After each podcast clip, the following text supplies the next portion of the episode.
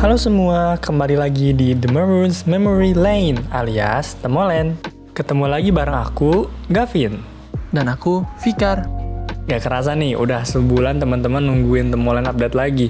Sekarang kita hadir membawa materi yang agak-agak misteri gitu loh, tapi bukan hantu kayak episode yang tuyul.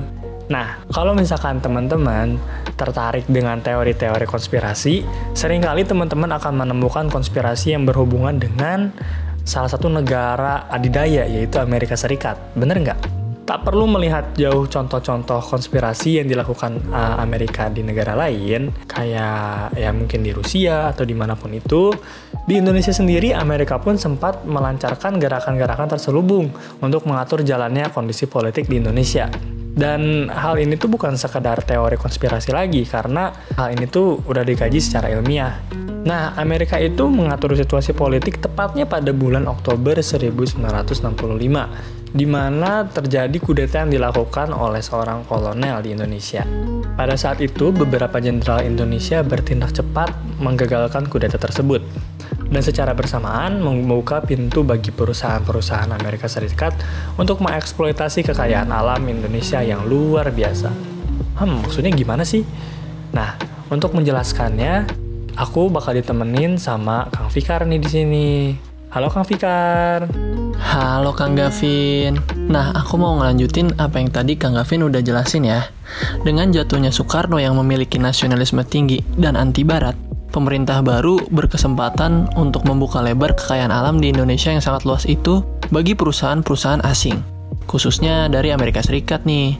Nah, untuk memuluskan masuknya pihak asing tersebut, dibentuklah tim istimewa di pemerintahan Indonesia yang terdiri atas menteri-menteri yang menguasai bidang perekonomian, yang oleh orang dalam sendiri dikenal sebagai The Berkeley Mafia, atau para mafia dari Universitas Berkeley. Mafia Berkeley adalah julukan yang diberikan kepada sekelompok menteri bidang ekonomi dan keuangan yang bertindak sebagai arsitek dan pembangun fondasi pemikiran ekonomi Indonesia sejak Soeharto mengambil alih kekuasaan dari Soekarno. Mereka sendiri disebut mafia karena pemikirannya dianggap sebagai bagian dari rencana CIA untuk membuat Indonesia sebagai boneka dari Amerika Serikat. Dan kata berkeli didapatkan sebab empat di antara anggotanya mengenyam pendidikan terakhir atau pernah belajar di University of California, Berkeley, Amerika Serikat. Nah, istilah dari mafia Berkeley ini sendiri pertama kali dicetuskan oleh seorang berkebangsaan Amerika Serikat yang bernama David Ransom. David Ransom menyebutkan istilah ini dalam majalah Ramparts edisi keempat tahun 1970. Menurut David Ransom sendiri, mafia Berkeley adalah orang-orang yang sengaja dipopulerkan sebagai kaum teknokrat ekonom berkaliber internasional yang nantinya dapat menduduki posisi-posisi penting dalam lembaga-lembaga pemerintahan melalui permainan licik bersama yang didalangi oleh CIA. Tulisan dari David Ransom ini juga menggambarkan adanya suatu kerajaan Amerika Serikat modern yang sedang berusaha untuk mendongkel para penguasa lama di negara-negara dunia ketiga kerajaan Amerika Serikat modern ini berusaha untuk menekan nasionalisme nasionalisme baru yang sedang tumbuh pesat. Melalui tulisan ini juga kita dapat memahami mengapa Soekarno mesti digulingkan dan nasionalisme yang dibawanya mesti dihancurkan. Mafia Berkeley sendiri berawal dari Sumitro Joyo Hadikusumo yang merupakan dekan dari Fakultas Ekonomi Universitas Indonesia. Ketika itu, ia adalah satu-satunya dosen yang memiliki gelar doktor ekonomi oleh karenanya, ia meminta bantuan dosen-dosen dari Belanda dan fakultas lainnya untuk membantu pendidikan mahasiswa di FEUI. Namun, saat tensi antara pemerintah Indonesia dan Belanda sedang tinggi akibat perebutan Papua Barat, para pengajar dari Belanda itu mulai meninggalkan Indonesia. Di sinilah peran Ford Foundation dan Rockefeller Foundation muncul ke permukaan. Sumitro pun akhirnya meminta bantuan kepada dua lembaga tersebut.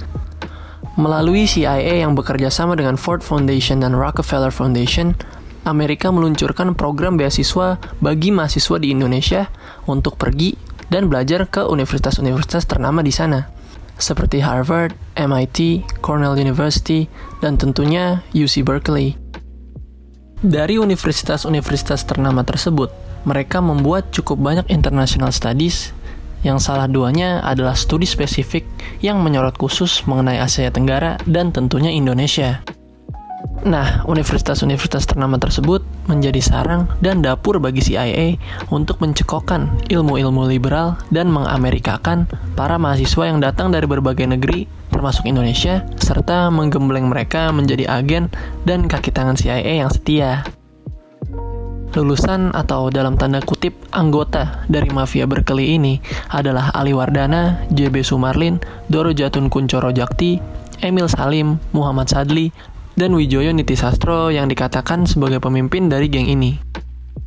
Semasa Orde Baru berkuasa, para mafia Berkeley ini memiliki posisi yang amat strategis.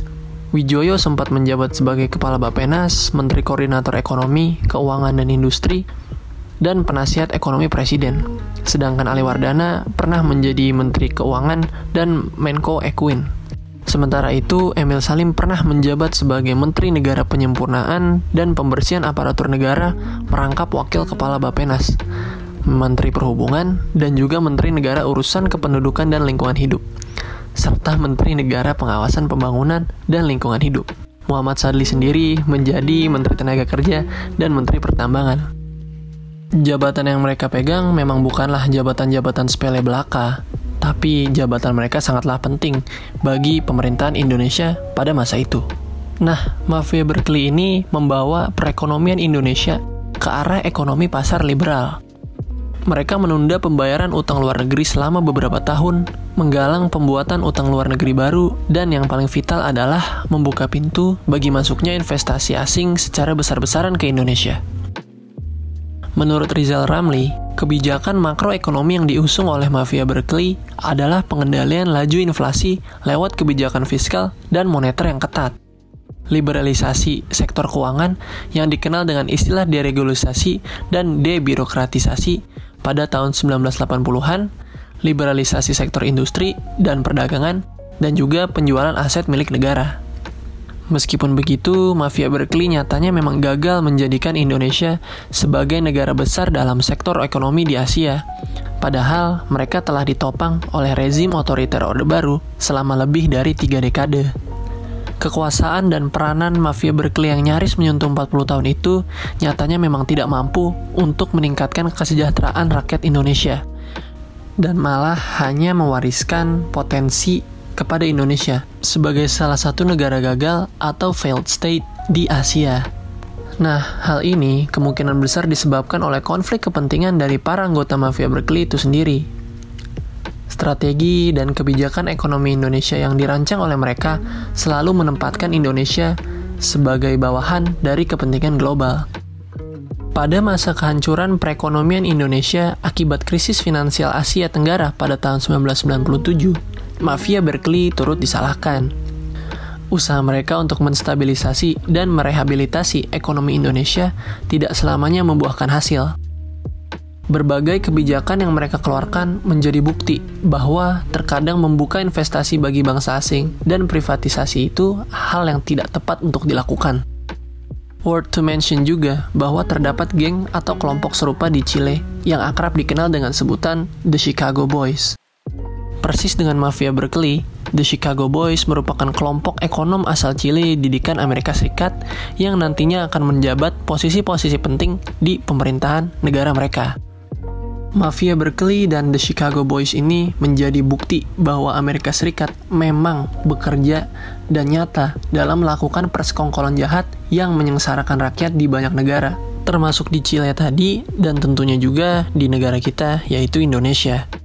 Amerika Serikat itu memang banyak melakukan intervensi atau campur tangan di banyak negara, apalagi di negara dunia ketiga. Bahkan tindakan yang mereka lakukan terkadang terang-terangan. Mereka tidak peduli hal apa yang harus dilakukan. Mengubah, mengganti, atau mempertahankan pemerintahan negara-negara asing bukanlah hal yang tidak mungkin bagi mereka. Apa pun itu, Amerika Serikat siap melakukannya, asalkan sejalan dan sesuai dengan kepentingan mereka dan juga akan mendapatkan tujuan yang mereka mau nantinya. Bener nggak tuh Kang Gavin? Bener banget tuh Kang Fikar. Nah, pada sektor ekonomi sendiri, Indonesia sempat menjadi korban dari campur tangan dan kelicikan Amerika Serikat. Buktinya apa? Yang melalui mafia berkeli ini. Nah, capek juga ya setelah membahas mengenai campur tangan Amerika di Indonesia terutama di bagian perekonomiannya mulai tahun 65 dan juga Mafia Berkeley ini. Hah, kayaknya lebih baik kita istirahat, mikir, dan sudahin dulu lah episode ini. Tapi tenang, tenang. Episode mengenai Mafia Berkeley ini bukan episode terakhir kok. Masih ada satu episode lagi yang akan mengundang seorang yang sangat spesial. Penasaran kan? Nah, tapi kita nggak bisa kasih tahu orangnya siapa dulu nih untuk sekarang. Pokoknya dia adalah pemimpin dari segala pemimpin. The final boss lah istilahnya. Nah, ya tungguin aja deh pokoknya nanti, oke? Okay? Mungkin segitu dulu aja kali ya dari kita Kang Fikar untuk episode ini. Semoga para pendengar bisa dapat ilmu dari apa yang kita sampaikan. Dan mohon maaf juga jika kita masih ada salah-salah kata. Aku Gavin. Dan aku Fikar. Kami pamit undur diri. Sampai jumpa di episode selanjutnya ya. Dadah.